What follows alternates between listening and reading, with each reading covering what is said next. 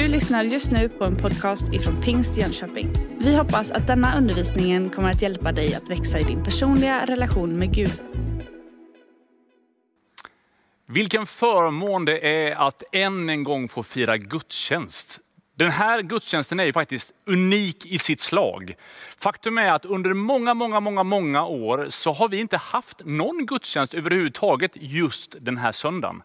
För i vanliga fall så brukar vi samlas på Nyhemsområdet ute vid Mullsjö och fira liksom hela långa Nyhemsveckan. Och även om vi ser tillbaka på några härliga online-möten från Nyhem så på något sätt så känns det inte riktigt så som det brukar. I vår familj så brukar det ofta vara så att just den där veckan på Nyhem när man trots att vi bor nära slår upp husvagnen och på något sätt bosätter oss ute i skogen. Det är liksom starten på sommaren på något sätt.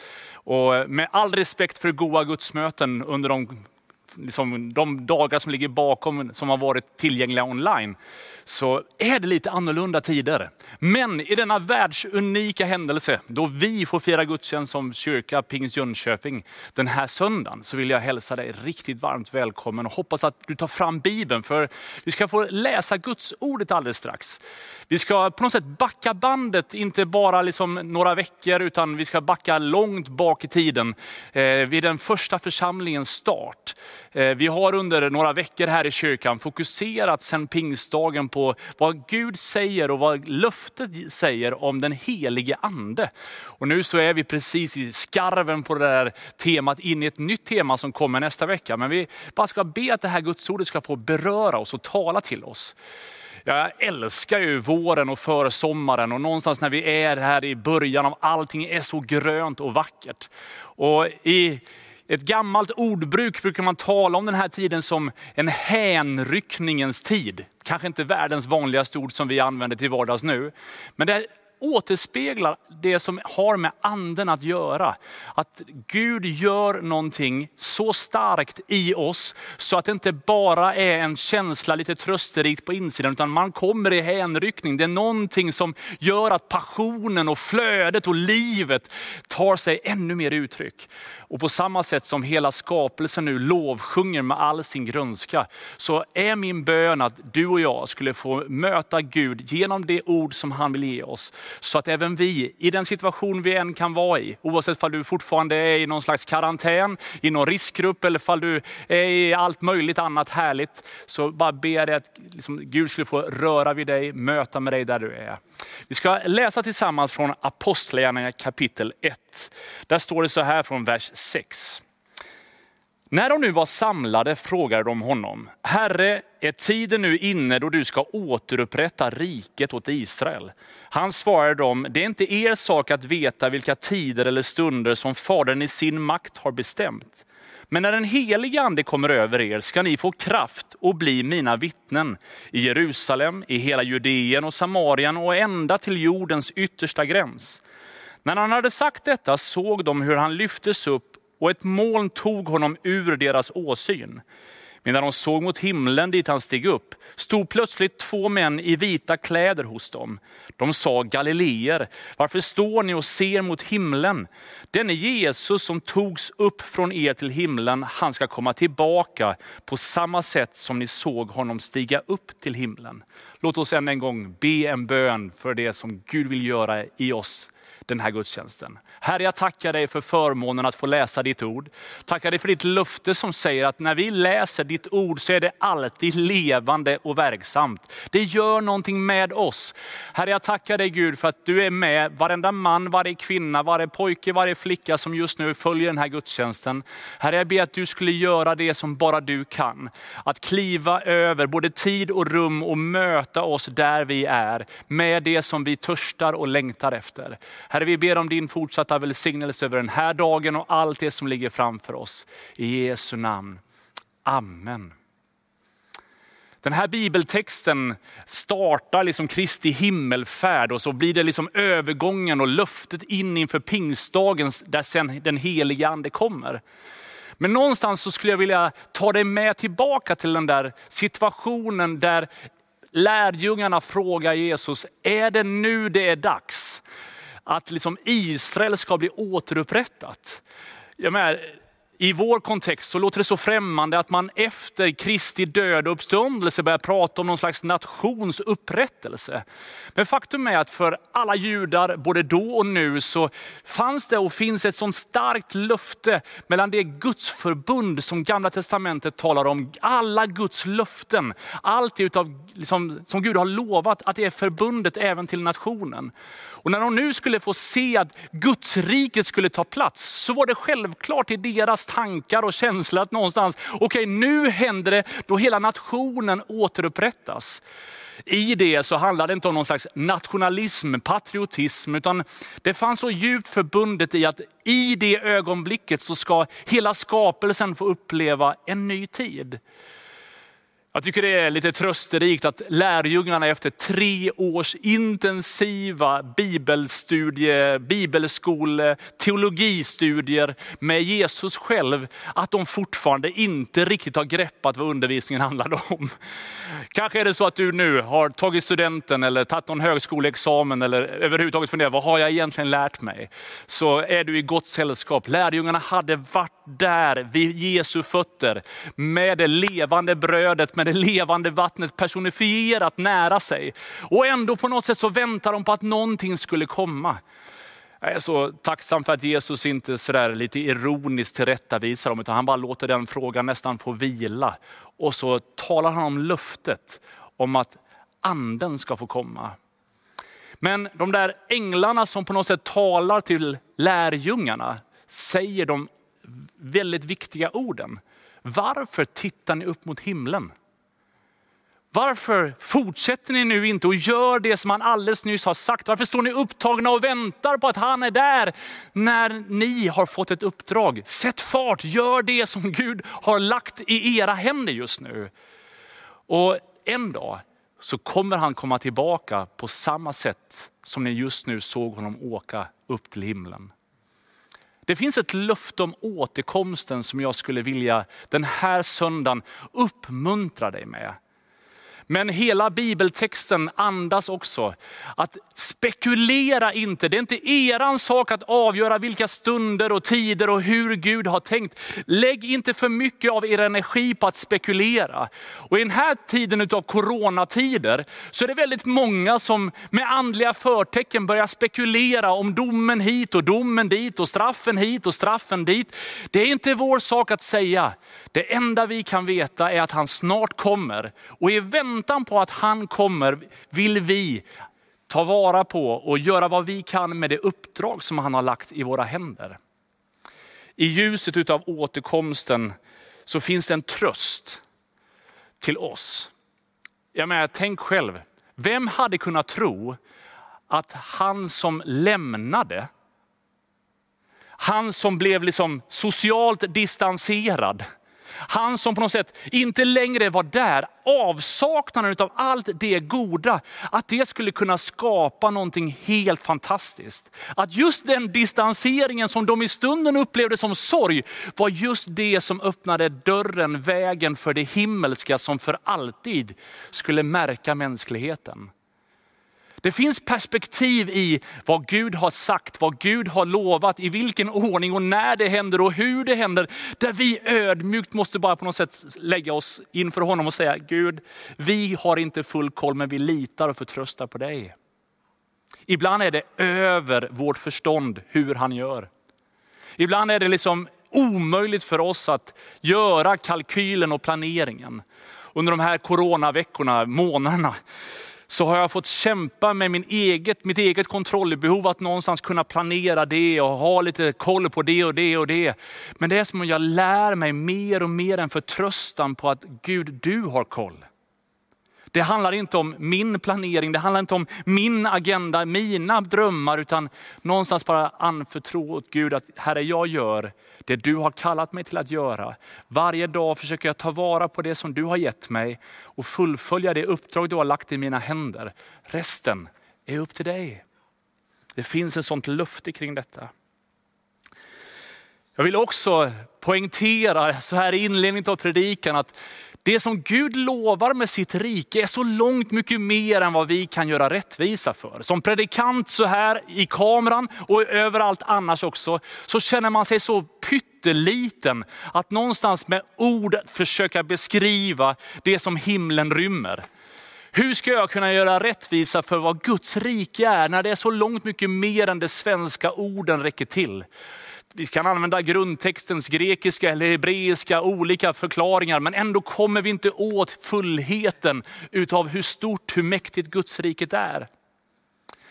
Det är ett rike som inte består av mat och dryck, utan rättfärdighet, frid och glädje den helige ande, säger Paulus i Romarbrevet. I första Korinthierbrevet så talar han också om att Guds rike är inte ord, utan det består av kraft. Det finns någonting som händer, någonting som tar fäste i oss. Och ju mer man läser bibeltexten och ju mer man förstår den judiska kontexten så förstår jag att de längtade efter att hela nationen skulle återupprättas. För kanske är det så att du och jag, lite nu och då under den här perioden, lite extra ber Gud, gör ett mirakel, inte bara med mitt liv utan med vårt land och vår värld. Vi har börjat be större böner för att vi märker att hela världen faktiskt påverkas. Och Guds riket är ett löfte som inte bara är några få utvalda som får del av det är inte bara en viss del av världen som innefattas, utan Guds rike har inte nationsgränser. Det finns inte etniska gränser, kulturella gränser, finns inte demografiska skillnader eller överhuvudtaget samhällsklasser. Guds rike spränger alla barriärer och vill nå varenda människa. Det är så långt mycket mer. Jesus han undervisar sina lärjungar och säger att när ni ber så kan ni få be så här. Och så lär han bönen Fader vår. Och i den där bönen som kanske du också känner till, så finns det uttrycket låt ditt rike komma. En längtan efter att dagligen regelbundet bedja, Herre kom med ditt rike. Låt det som du är få ta ännu mer plats i den tillvaro som jag rör mig i. Låt det som kännetecknar ditt rike få känneteckna och prägla där jag är. Varje rike har sina lagar, varje rike har sina liksom bonuspaket. Och I den här coronaperioden så är man tacksam för att vara svensk. Även om vi har många utmaningar så märker man vilket välfärdssystem som kickar in. Med miljarder som går till företag, miljarder som går till vård och omsorg och så många olika åtgärder som på något sätt eh, försöker möta upp den, det omsorgsbehov vi har. Och ändå så finns det ingenting av det som överträffar Guds löfte om vad som innefattas i att vara medborgare i, det, i hans rike. Och därför är det naturligt att som, som en Jesu efterföljare älska livet, samtidigt som man längtar efter att han ska få komma tillbaka.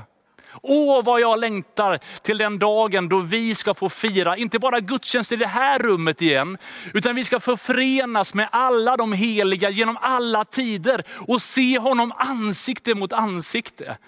Det som idag känns som avlägset att ens komma samman, då ska vi få se honom tillsammans. Wow, vilken upplevelse! Och det där riket ska få ta sin fullhet i oss.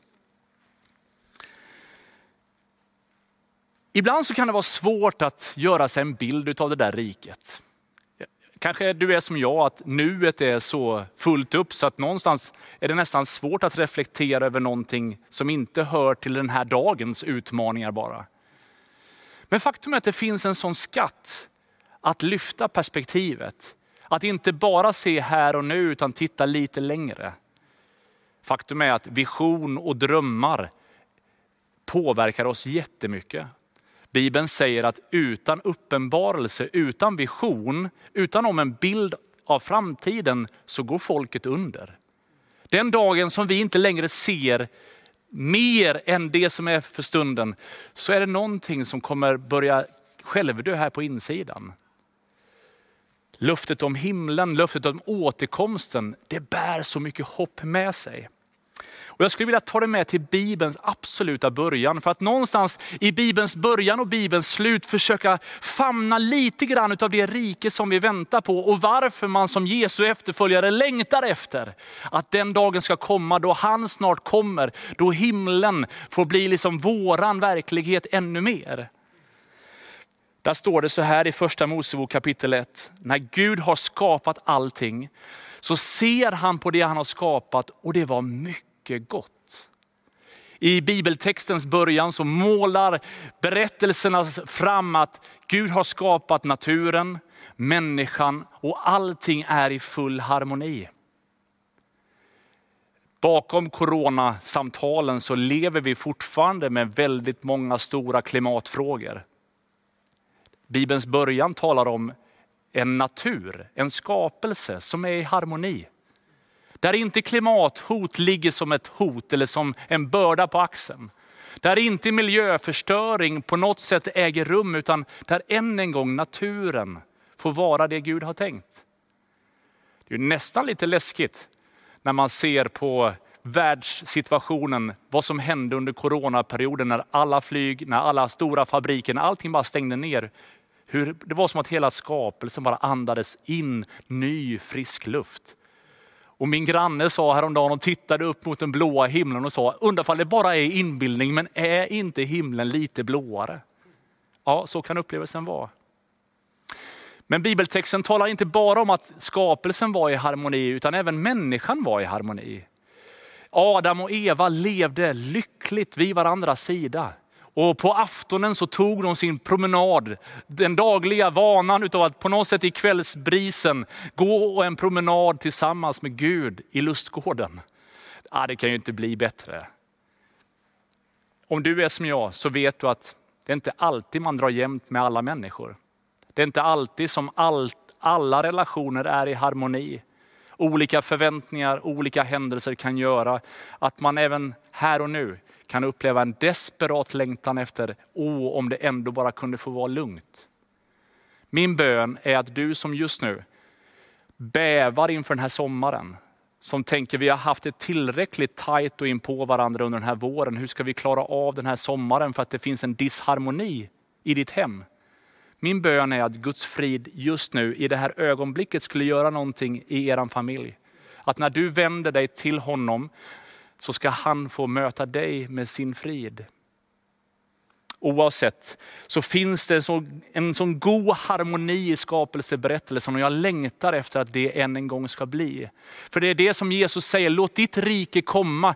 Då menar han också, låt det få bli så som det var tänkt. Låt det få bli så som det var menat. Och i Uppenbarelseboken, den sista boken i Bibeln, så står det så här i kapitel 7. Att de ska aldrig mer hungra och aldrig mer törsta. Och varken solen eller någon annan hetta ska drabba dem, för lammet mitt på tronen ska vara deras herde och han ska leda dem till livets vattenkällor. Och Gud ska torka alla tårar från deras ögon. Bibeln beskriver en himmel som inte har några sjukdomar, ingen sorg, ingen smärta, ingen ensamhet, ingen social distansering. Utan Gud ska få vara mitt ibland oss och vi ska få stå där tillsammans med alla de heliga, lovsjunga Gud och vara i harmoni igen. Och det är det där jag längtar efter. Att Gud skulle få måla den bilden ännu mer i den här tiden. Att oavsett hur världsekonomin går så finns det en dag då inga konjunkturer längre ska slå hårt mot någon. Där inget virus kan äta sig in, där inget synd, inget skräp, ingen skuld, ingen skam, ingen smärta längre ska få hemsök. Utan Gud ska med sin nåd bara få omfamna oss. Åh vad jag längtar till den dagen. Inga pandemier längre. Inga ekonomiska fall.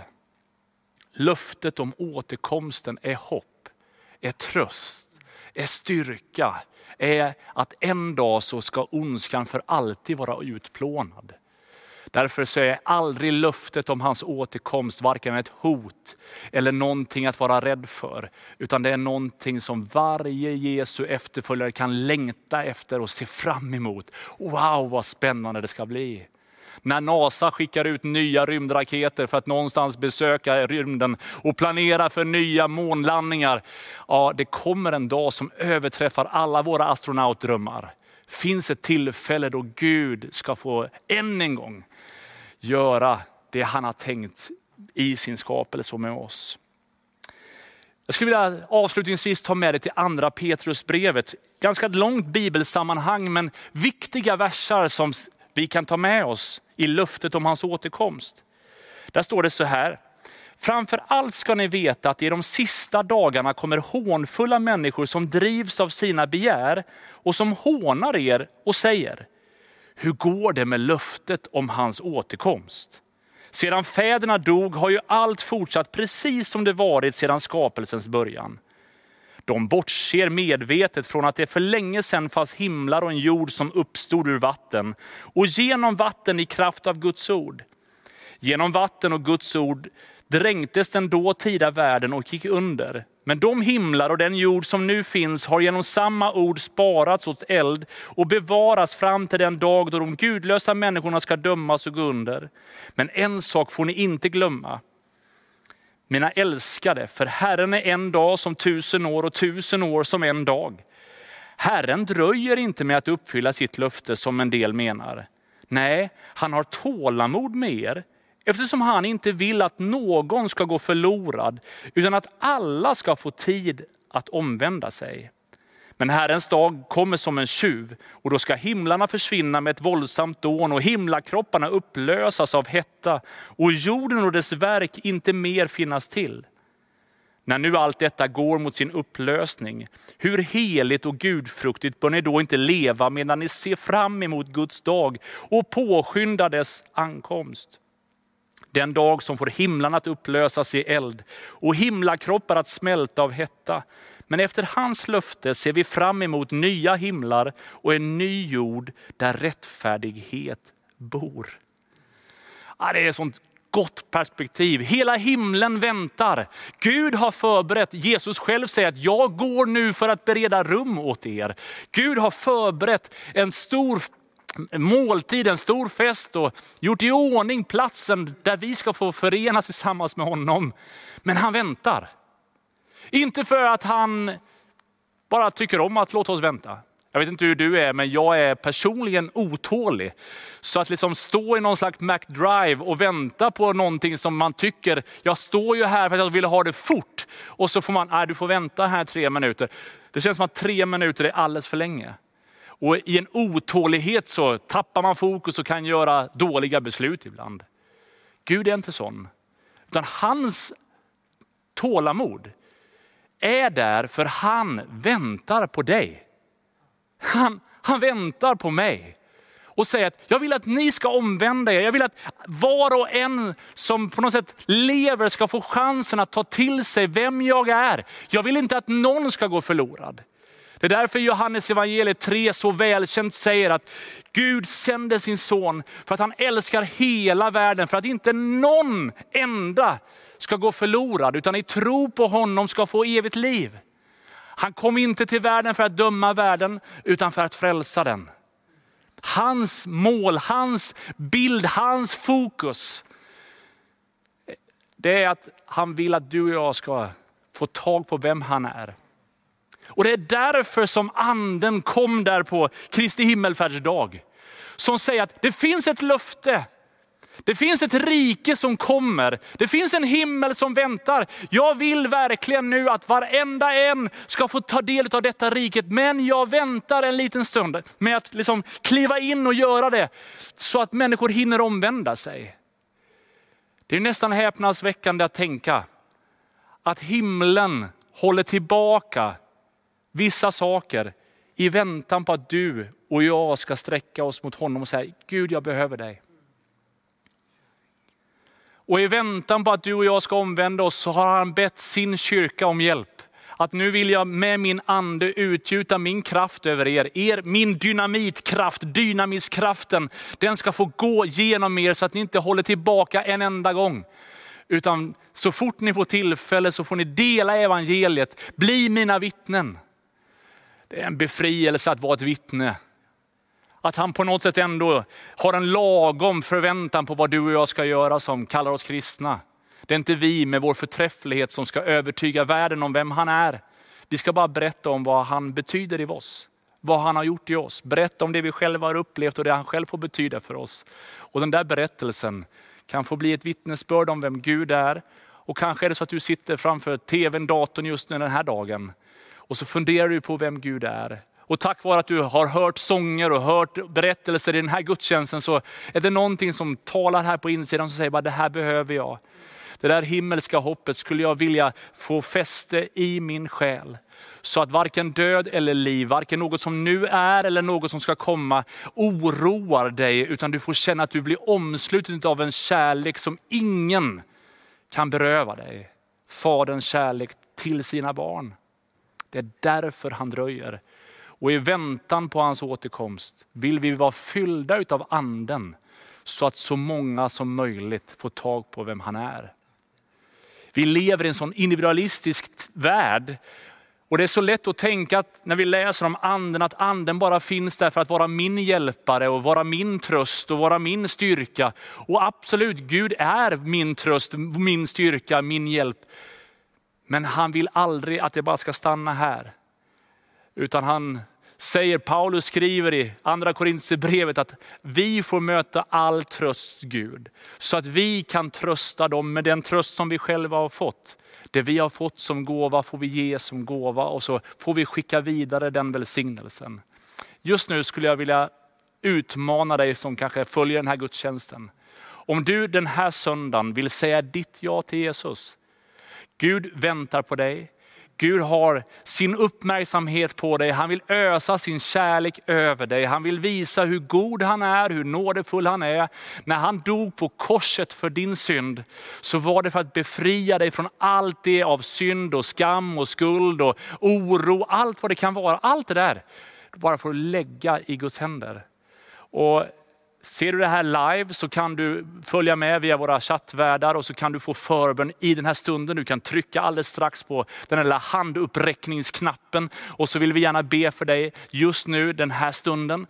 Men kanske är det så att du följer den här vid ett senare tillfälle och om du kan ändå fatta ditt beslut i den här stunden. Och vill, vill du så får du gärna kontakta oss. Alla uppgifter finns på hemsidan så vill vi gärna hjälpa dig i de här första stegen i ditt nyupptäckta liv tillsammans med Jesus. Men där du är just nu kan du bara få knäppa dina händer och säga Jesus, tack för vad du gjorde i mitt liv. Tack för att du dog för mig. Tack för att du väntade med att komma tillbaka så att jag skulle få chans att omvända mig. Och jag får också rikta mig till dig den här söndagen som har varit en kristen väldigt länge. Gud utmanar oss att med hans andes hjälp inte bara bli ubåtskristna som på något sätt övervintrar under ytan till dess han kommer. Utan med frimodighet spräcka vattenytan och bara visa allt det som Gud har gjort i ditt liv. Det innebär inte att du bara visar Instagramvänliga bilder av liksom all framgång och alla bönesvar där allting blev halleluja moment. Utan till och med de där kampmomenten där du ändå bara fick förtrösta på att Gud håller saker i sin hand. Gud utmanar oss att i den här tiden ännu mer drivas av hans ande så att fler får chans att omvända sig. Där du är just nu, om du vill ta emot Jesus för första gången, eller fall du vill återvända tillbaka till den tro som du en gång hade, spelar ingen roll. Idag är din dag. Herren har väntat på dig och nu är ditt tillfälle. Där du är kan du bara räcka din hand och vara med i den här bönen så ber vi tillsammans. Herre, jag tackar dig för förmånen att än en gång få fira gudstjänst. Än en gång få läsa ditt ord. Herre, jag tackar dig för ditt löfte om himlen. Jag tackar dig löftet om att du snart ska komma tillbaka och återupprätta allting så som du har tänkt. Herre, jag tackar dig för att allt utav ondska för alltid ska få bli utplånat. Och Herre, tack Gud, vi längtar efter den dagen. Men Herre, vi tackar dig också för att du väntar med att fullfölja det till dess vi hinner omvända oss. Att vi, just nu har vi fått ett nådens tillfälle att få vända våra hjärtan, för vi tror att du kommer snart. Och Herre, vi vill verkligen bara liksom omfamnas utav vem du är. Och nu bara ber jag dig för varje hand som räcks till dig. Jag ber att din nåd skulle få möta upp med din närvaro, med ditt liv. Och jag bara ber dig Gud, att du skulle förlåta synder, befria från allt det som tynger. Och jag ber att du Jesus Kristus skulle få bli Herre och frälsare i människors hjärtan den här dagen. Herre, vi bara överlämnar det du kan göra i, liksom i dina händer Herre. Gör det. Det enda vi vill säga är ja. Vi vill ha dig i våra liv. I Jesu namn. Och jag tackar dig Gud också för varenda en som har varit kristen länge, som den här söndagen bara behöver en påfyllning av din ande för att ännu mer frimodigt där man är berätta om det hopp man har i dig. Herre, tack för att löftet gäller oss alla. Tack för barnaskapet i dig inkluderar oss alla. Och vi bara överlämnar oss i dina händer. I Jesu Kristi namn. Amen. Amen. Du har just lyssnat på en podcast ifrån Pingst Jönköping. För att få reda på mer om vilka vi är och vad som händer i vår kyrka så kan du gå in på pingstjonkoping.se eller följa oss på sociala medier via pingstikpg.